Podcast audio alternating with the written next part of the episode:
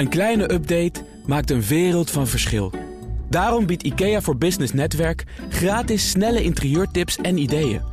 Word gratis lid en laat je werkplek voor je werken. IKEA, een wereld aan ideeën. We gaan het hebben over een nieuwe Europese wet die ondernemers een tweede kans geeft bij faillissement. En leaseplan dat opnieuw een beursgang afblaast. Uh, afblaast. Dat is al de tweede keer. Ga ik bespreken in het ondernemerspanel. Mediaondernemer Jip Samhout is hier. Boris Veldhuizen van Zanten, oprichter van The Next Web. En Abel Slijp, eigenaar van digital agency Refresh Work. En, uh, Works. En mijn zakenpartner is Katja Berghout, directeur internationaal, internationaal bij Startup Delta. En we beginnen zoals altijd met uh, jullie eigen nieuws. Boris, wat, wat wil je met ons delen? Nou, uh, Google heeft uh, bekendgemaakt dat ze Google Plus, dat ze daar toch eindelijk mee ophouden. En dat is natuurlijk zielig, want uh, het was een mooi project en er zijn ongetwijfeld mensen die hun baan kwijtraken. Maar het is ook hoopgevend als je ondernemer bent, want iedere ondernemer die met een plan bij een investeerder of iedere kritische luisteraar komt, dan krijg je altijd wel de vraag: ja, maar wat nou als Google het ook gaat doen? Want dan ben je vast weg, want die zijn zo machtig. Maar Google heeft echt ja, alles, alles, alle, alle macht die ze hebben, hebben ze gebruikt om van Google Plus een succes te maken. En dat is toch mislukt. Um, nou, dat, ergens. Het is natuurlijk jammer om te juichen bij iemands mislukking. Maar, maar ik vind dat toch. Beetje de underdog die niet. Uh... Ja, ik vind het toch een positief puntje. Ja, omdat het aantoont uh, hoe machtig je ook bent. Uh, je kunt die innovatie of een sociaal netwerk in dit mm. geval kun je niet opdringen aan mensen. En je moet toch echt iets goeds bouwen. En zelfs als je Google bent en de nummer één website van de wereld en je kunt dit echt opdringen aan mensen, dan nog is dat niet voldoende. Ja, waar, waar, waar loopt het dan om stuk uiteindelijk voor Google? Ja, op meerdere dingen. Dus het is interessant. Uh, ja, de, de, grap is wel, niemand gebruikte het. Dus ja, dat, dan houdt het al een beetje op. Dat is de belangrijkste toets natuurlijk. ja, dat is de belangrijkste toets. Uh, maar uh, het blijkt nu ook dat ze in 2015 een, een vulnerability hebben ontdekt. Dus een, een zwakheid mm. in het systeem. Waarbij, waardoor 500.000 accounts eigenlijk voor het oprapen lagen voor hackers. Google heeft dat nooit gemeld. tot een week geleden waar een krant erover heeft geschreven. Gezegd van, goh, ze hebben dat ontdekt en dat verzwegen. Nou, dat is natuurlijk een, een black eye voor Google. Mm. Een, een, een pijnlijk een doodzonde, puntje. ja. Een doodzonde, ja. Zij zeggen zelf, ja, wij hebben niet een, uh, wij zijn niet, uh, hoe noem je dat ook weer, de legally binded. Uh, wat is het Nederlandse woord daarvoor? Ja. We, we, zijn niet verplicht om dat te melden. nou, veel mensen denken daar anders over. maar het gaat ook om vertrouwen natuurlijk. Um, dus dat is in ieder geval de aanleiding voor dat ze nu zeggen van, nou ja, oké, okay, dit is nu uitgekomen. Um, dus we, ja, Dan maar we helemaal de geven het op. Ja, helemaal de stekker We stoppen ermee. Nou, Oké, okay. uh, Abel, wat is, wat is jouw nieuws? Nou, wat ik wel leuk vind om te delen is dat uh, een bekende ondernemer genaamd uh, Tony Robbins. Tony Robbins. Yes. Ja, een, een, een, nou, hij, hij schrijft eigenlijk boeken. Hij geeft heel veel lezingen. En een van zijn boeken die hij heeft ja, geschreven... Ja, van, van die powerbijeenkomsten, ja, toch? echt van die... Hij, high energy, uh, ja. Yeah, great! Ja, met, met, die, uh, met die heese, zware stem zo. Ja, en toch, ondanks dat hij iets van 50 bedrijven heeft... heeft hij een stichting, en dat heet Feeding America. En wat ik wel mooi vind... Hij heeft, Feeding America die geeft dus eten aan gezinnen in Amerika... die dat niet kunnen betalen, maar bijvoorbeeld ook in, in noodsituaties. En... Uh, sinds deze week heeft hij 100 miljoen gezinnen heeft hij, uh, eten gegeven. En dat uh, doet hij onder andere door, als de opbrengsten van zijn boeken, daar geeft hij al de winst naar dat gelijk alle winst. Van, ja, alle winst. En zelfs hij verdubbelt het bedrag wat jij inlegt, als bijvoorbeeld als een donatie via een boek, met zijn eigen geld. Dus ik wilde het eigenlijk wel mooi te maar delen. Is hij het een beetje aan het opmaken nu?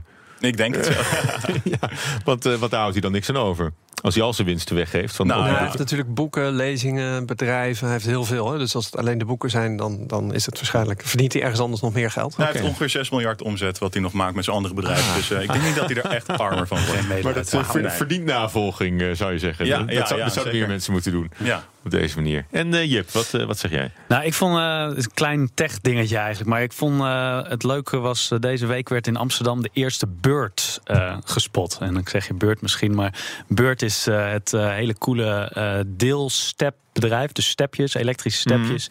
Mm. Uh, die je met een app kan openen. Overal in de stad komen ze liggen. Er zijn nu nog maar twee in Amsterdam. Dus het is nog, uh, het is nog, het is nog beperkt. Maar dus, dus uh, een, van de, ja, een van de, van de representanten van Scooter Mania. Ja. Maar dat, dat was toch, er waren allemaal start-ups ineens die allemaal ja. van, die, van die stepjes ja. om mee in de, in de Uber te nemen. Klopt, dat je, klopt inderdaad. Dus nou, in San Francisco, mile, in San Francisco ligt je al helemaal, word je ermee doodgegooid ongeveer. Maar ik vind het uiteindelijk de bredere. Ik kwam hier net zelf ook op de Felix aanzetten. De, de die ook net aankondigden dat ze ook weer groter worden vandaag. Maar die industrie van de deelindustrie met uh, voertuigen. En uh, uh, dat vind ik zo waanzinnig gaaf dat dat gewoon echt zijn intrede begint te doen. En uiteindelijk mensen hun leven makkelijker maakt. Dus ik word gewoon helemaal blij van dat dat. je dat ziet dat het beeld komt. ook echt veranderen in Amsterdam. Hè? Ik woon zelf niet in de stad, maar ik werk hier wel. En het valt me ook op dat je steeds meer bureaus ziet. En inderdaad, de, de Felix-scooters staan overal. In Rotterdam begin je die natuurlijk nu ook te spotten. Ja. Het is echt een En wat ik dan ook nog echt heel cool vond van dit beurt, is dat je dan ook, je kan daar ook nu een job nemen. En dan kun je dus rondrijden door de stad om de stepjes op te halen. En ze bij je thuis op te laden, krijg je elke dag betaald. Dus ook hoe zoiets weer opeens een heel nieuw soort werkgelegenheid.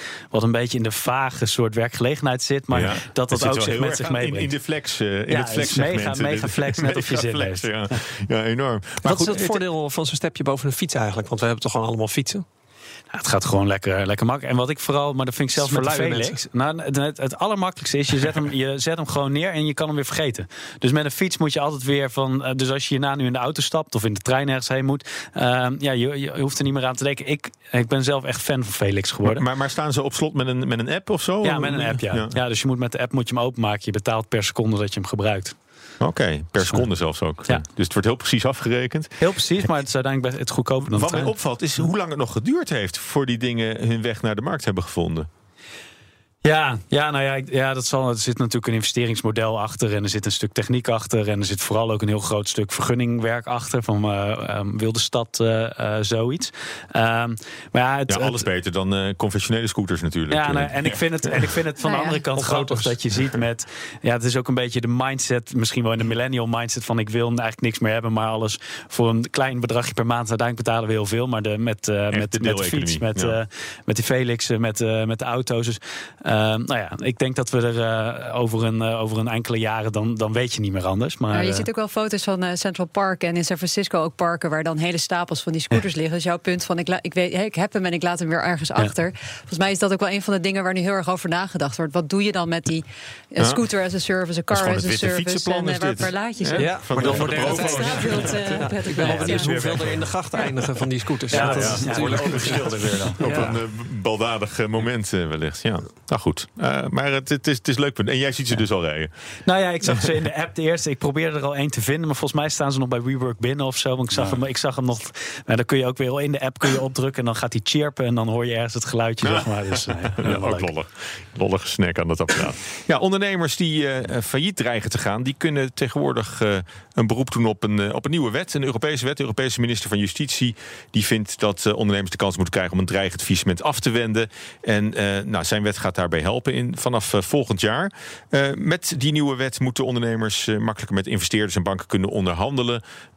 Hoe, hoe kijken jullie ernaar? Zeg maar Europese initiatieven om, om ondernemers te helpen?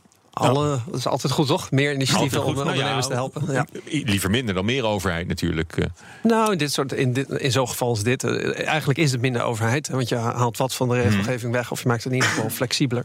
Dus volgens mij is dit een goed iets. Ja. Ja, maar als je kijkt dan, vaak kijkt Europa weer naar de overkant van de plas, naar de VS. En wat ik wel grappig vond, ik, ik las ook even het stuk van, eh, van de, de Europese Unie. En zij hebben het over, ik denk niet echt dat het om regelgeving gaat, maar over een cultuurverschil. Dus als je bijvoorbeeld faillissement hier ziet, dan zie je in Amerika wordt er naar heel anders naar gekeken dan hier. En ze noemen het zelf ook failing entrepreneurs. Ik zeg beginnen met bijvoorbeeld learning entrepreneurs, om, daar, om daar op een andere kant neer te, eh, neer te gaan zetten. En wat me ook heel erg opviel in dat stuk, is dat ze, een van de maatregelen die ze willen gaan nemen, is dat ja, dat je je schulden die je hebt als bedrijf dan makkelijker kwijt kan schelden. En ja, dat maakt wel het risico minder om te gaan ondernemen, denk ik. Mhm. Eh, maar aan de andere kant, voor de leveranciers, wat meestal ook ondernemingen zijn, Ja.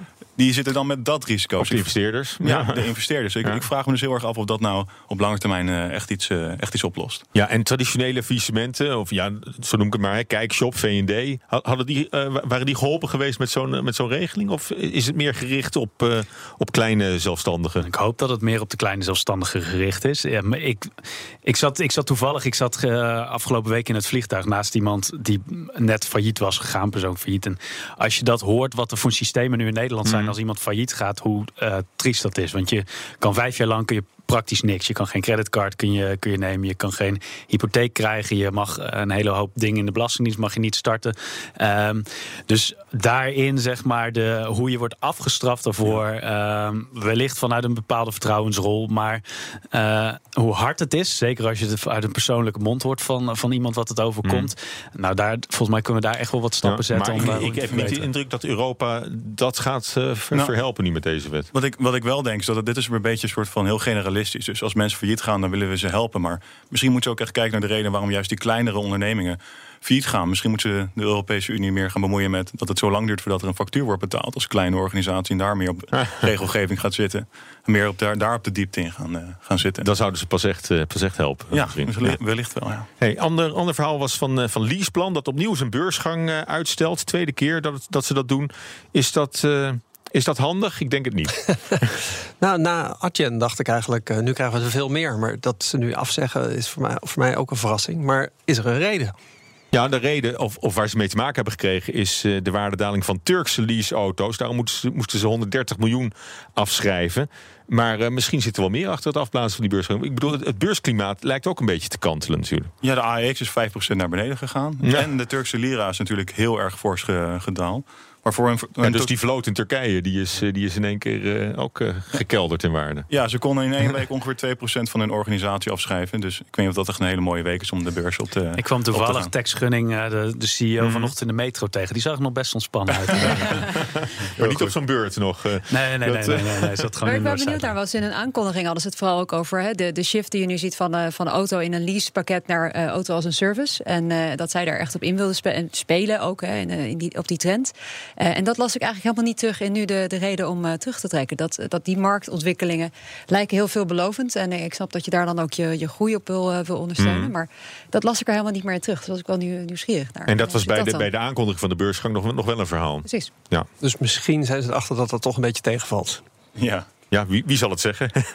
Eh, Nederlandse bedrijven die laten groene miljarden subsidies links liggen. En dat maakt het voor Nederland lastiger om de duurzaamheidsdoelen te behalen. En dat nieuws komt uh, net na een rapport van uh, IPCC, waaruit blijkt dat er meer moet gebeuren om opwarming tegen te gaan. Het is toch eigenlijk raar hè, dat die subsidies er liggen, maar wat, wat, wat zou daar misgaan? Weten ze de weg niet? Of uh, want doorgaans lukt het toch wel aardig om, om subsidies te vinden? Ja, ik vond het ook een fascinerend nieuwtje eigenlijk. Dat, dat je het zo dubbel allemaal met de klimaatverandering. Waar je het ene, zeg maar, de dag daarvoor hoort van we, we moeten nog zoveel stappen zetten. En dan Nederland, of de, onze commissaris eh, Nijpels, die zegt van we zijn in Nederland super op goede weg. En dan uh, dit soort dingen, zeg maar. Ja, je zou zeggen, het is een heel gat om in te springen. Ik, ik weet het heel. Ik, ik vind zelf persoonlijk vind ik altijd subsidiepotten best moeilijk te vinden. Want het kost mm. zoveel tijd altijd uh, om, om dat te doen. Dus wij, wij maken er zelf nauwelijks gebruik van. Terwijl we wel vaak tegen elkaar zeggen: Goh, er is nog zo'n wereld te winnen eigenlijk. maar dat, dus ik weet niet of dat in dit geval ook zo is dat er toch makkelijkere wegen zijn voor bedrijven om dan toch het zonnepaneel te kopen. Maar je kunt je ook afvragen of als die subsidies blijven liggen, of dat ook een teken is dat die, die initiatieven niet worden ontplooid.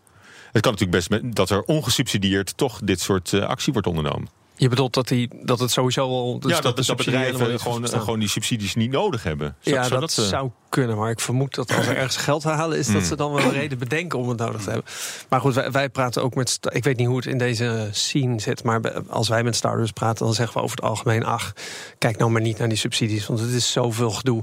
In dezelfde tijd kun je ook een paar klanten of investeerders uh, of, of je product verbeteren. Dus die eindeloze formulieren en dan de controle daarna en, en de inflexibiliteit. Ja. Dus over het algemeen uh, word ik ook niet enthousiast van subsidies. maar goed, jullie zijn waarschijnlijk ook niet de enige die dat, die dat zeggen.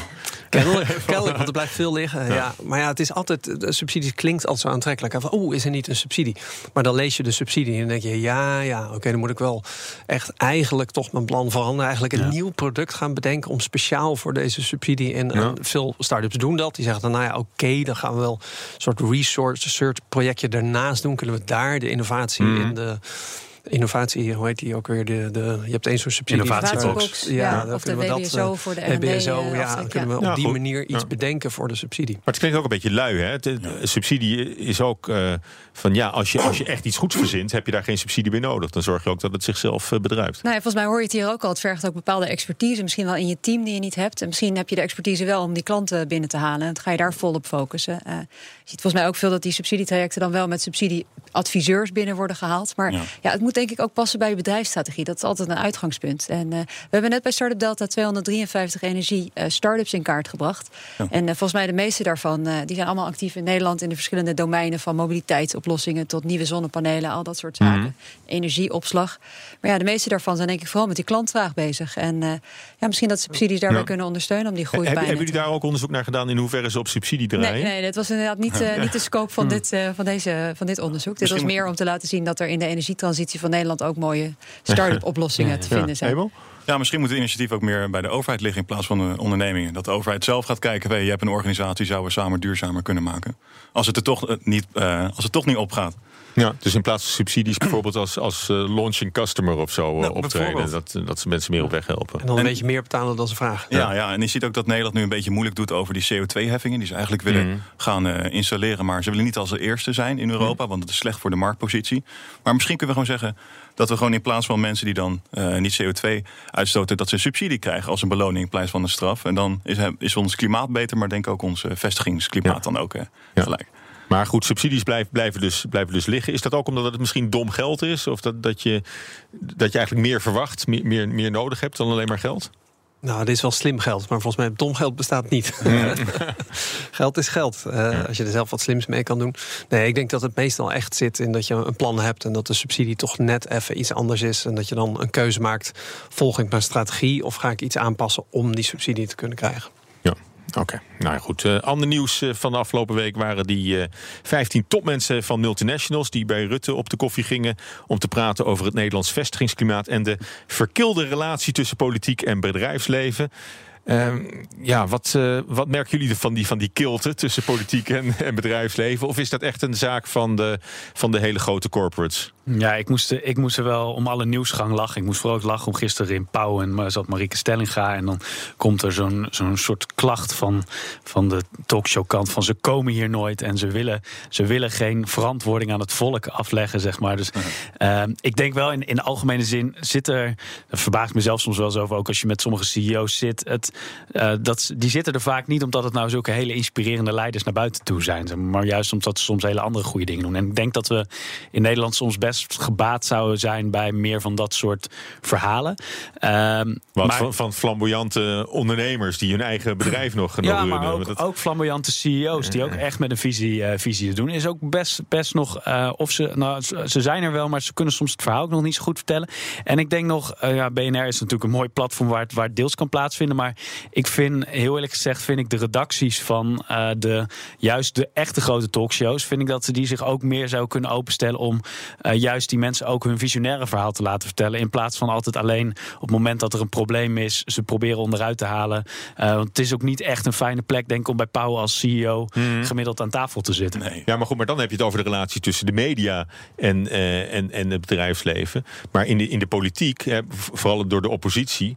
Rutte is de premier van de multinationals en niet van de burgers. Hè. Het, wordt ook, het wordt ook geframed als een beetje als de vijand. Ja, ja, je hebt de, de, de scheiding van kerk en staat. En ergens zou je denken dat het wel goed is dat er een scheiding is tussen commercie en eh, grote bedrijven en, en de politiek. Uh, dus ik vraag me ook af hoe, hoe ver dat moet gaan. Hè. Soms denk je juist, uh, misschien moet er wat minder invloed uh, zijn. En zou politiek wat onafhankelijker moeten zijn. Mm. Dus het is ergens ook gek dat daarover geklaagd wordt. Ja. Ja, ja goed. Dat. En ik, en ik vind, maar ik vind daarnaast wel als je sommige oppositieleiders hoort schreeuwen, om maar zo te zeggen. Ik vind het soms ook gewoon echt dom, dom geschreeuw over hoe er over de grote man in de Ivoren Toren wordt gepraat. Dus ik vind dat, uh, dat eh, helpt ook gewoon echt niet mee. Ja, maar waarom, waarom zouden ze dat doen? Nou, het is gewoon pop populistisch. Maar dat is sowieso natuurlijk een trend die we wel steeds meer zien. Dat gewoon, ja, het is zwart of het is wit, zeg maar. Een tegenstelling en, creëren. Uh, tegenstelling creëren. En dat, het zijn de bedrijven tegenover de samenleving. Ja, en de baas tegenover de werknemers, zeg maar. En dat is natuurlijk uiteindelijk een veel grijze gebied ertussenin. Ja, dat zag je ook met die brief van de, in de ING bij, uh, die was ingezonden. Onder andere die, uh, die ING verwijt allemaal dingen aan de, aan de politiek. maar het is een beetje de pot verwijt de ketel, denk ik zo sowieso ING die heeft sowieso al veel uh, problemen gehad de afgelopen tijd. Ja, dat was Henk Breukink, hè, die ING-commissaris. Eerst in het Financieel Dagblad, toen in de, in de NRC volgens mij. Ja.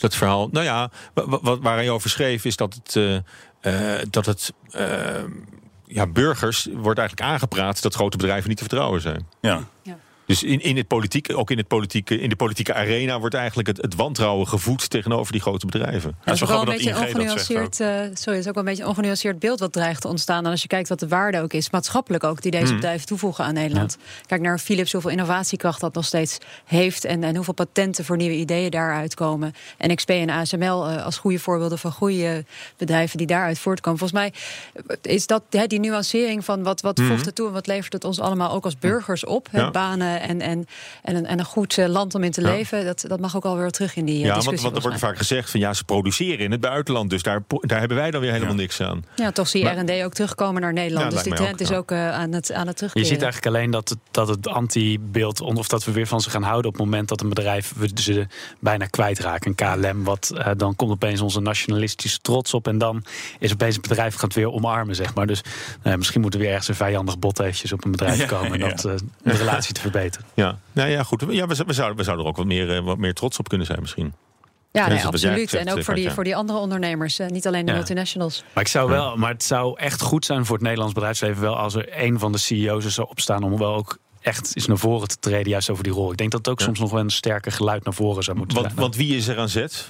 Vind jij, Jip, jij, jij vindt duidelijk dat, uh, dat het bedrijfsleven nu zich, zich veel meer moet laten zien eigenlijk? Nou, ik denk dat daar wel een, een rol zit. En het is meer dat ik, ik heb zelf niet zoveel vertrouwen in de politiek om dat soort uh, binding te creëren. Dus ik denk, ik heb dan meer vertrouwen in, in het bedrijfsleven dat dat, dat, dat uiteindelijk gebeurt, zeg maar. maar dat, uh, en ik denk een deel, en ik denk voor mij het gevoel zit er ook echt een deel ook in de media om juist ook de andere kant soms van ja. bedrijfsleven, het grote stoute bedrijfsleven te laten zien. Ik denk niet dat ING het moet zijn, aangezien ING had geen bestaansrecht zonder de politiek. Die waren ook gered nog in 2008. Dus het ja. is een. Uh...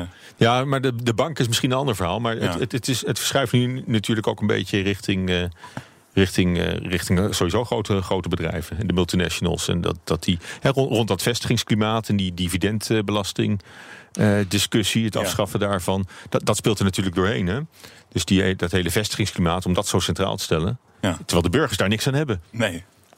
Dat, dat is dan een beetje het, uh, beetje het verhaal. Maar hoe is het met dat, dat vestigingsklimaat? Hè? Want dat, dat, is misschien ook. Uh, hè, daar begonnen we deze uitzending ook mee. Over uh, dat, dat werknemers liever naar, naar België gaan dan naar Nederland tegenwoordig. Nou, er gaan een aantal dingen heel erg goed met het Nederlandse vestigingsklimaat. We doen het ontzettend goed in heel veel rankings over innovatiekracht. Misschien en... ook voor starters en kleinere ja, bedrijven. Zeker. zeker. Nou, heel veel dingen gaan ontzettend goed. Maar je ziet ook knelpunten ontstaan. Ik denk dat talenten binnenhalen en, en behouden in Nederland. dat dat een van die uitdagingen is. En ook het ontwikkelen van talenten aan de universiteiten. Dat Mhm. daar voldoende ruimte voor moet zijn. Ja. Zeker ook in de nieuwe doorbraaktechnologieën, zoals kunstmatige intelligentie, waar je ziet dat er niet eens voldoende opleidingsplekken zijn om aan de vraag van studenten te voldoen. Nou, dat is toch een van die kennis.